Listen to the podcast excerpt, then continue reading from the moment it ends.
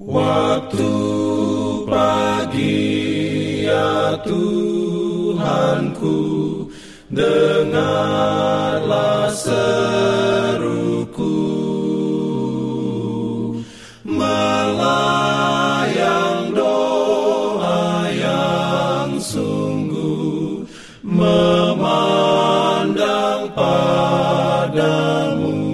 Selamat pagi pendengar Radio Advent Suara Pengharapan.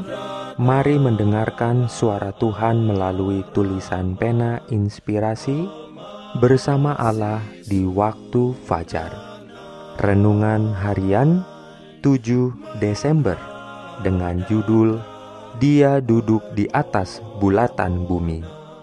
Ayat inti diambil dari Yesaya 40 ayat 22 Firman Tuhan berbunyi, "Dia yang bertahta di atas bulatan bumi, yang penduduknya seperti belalang, Dia yang membentangkan langit seperti kain dan memasangnya seperti kemah kediaman." perlindungan dalam Urayanya sebagai berikut. Ia yang memerintah di dalam surga adalah pribadi yang dapat melihat akhir dari awalnya, yang di hadapannya terpampang rahasia-rahasia masa silam dan yang akan datang, dan yang jauh di balik segala laknat, kegelapan dan kehancuran yang telah diakibatkan oleh dosa, dapat melihat wujud daripada maksud-maksudnya yang penuh kasih dan berkat itu. Meskipun awan dan kekelaman ada sekeliling dia, keadilan dan hukum adalah tumpuan tahtanya.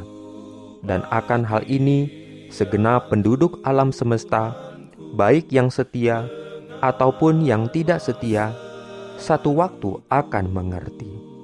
Gunung batu yang pekerjaannya sempurna karena segala jalannya adil Allah yang setia dengan tiada kecurangan, adil dan benar Dia. Allah adalah Bapa kita yang mengasihi dan memelihara kita sebagai anak-anaknya. Dia juga adalah Raja Agung dari alam semesta. Kepentingan-kepentingan kerajaannya adalah juga kepentingan-kepentingan kita, dan kita harus bekerja untuk membangunnya.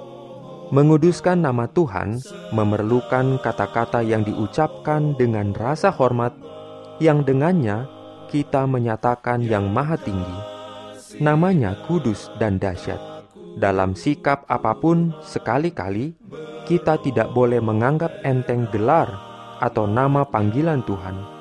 Dalam doa, kita memasuki kamar audiensi yang maha tinggi, dan kita harus datang ke hadapannya dengan perasaan hormat.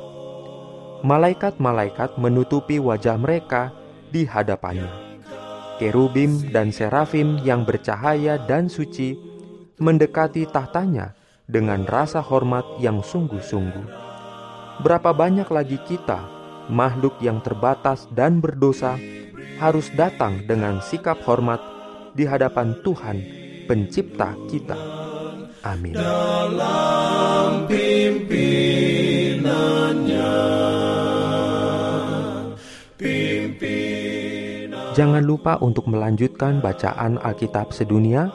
Percayalah kepada nabi-nabinya yang untuk hari ini melanjutkan dari buku Dua Raja-Raja pasal 15. Selamat beraktivitas hari ini. Tuhan memberkati kita semua. Jalan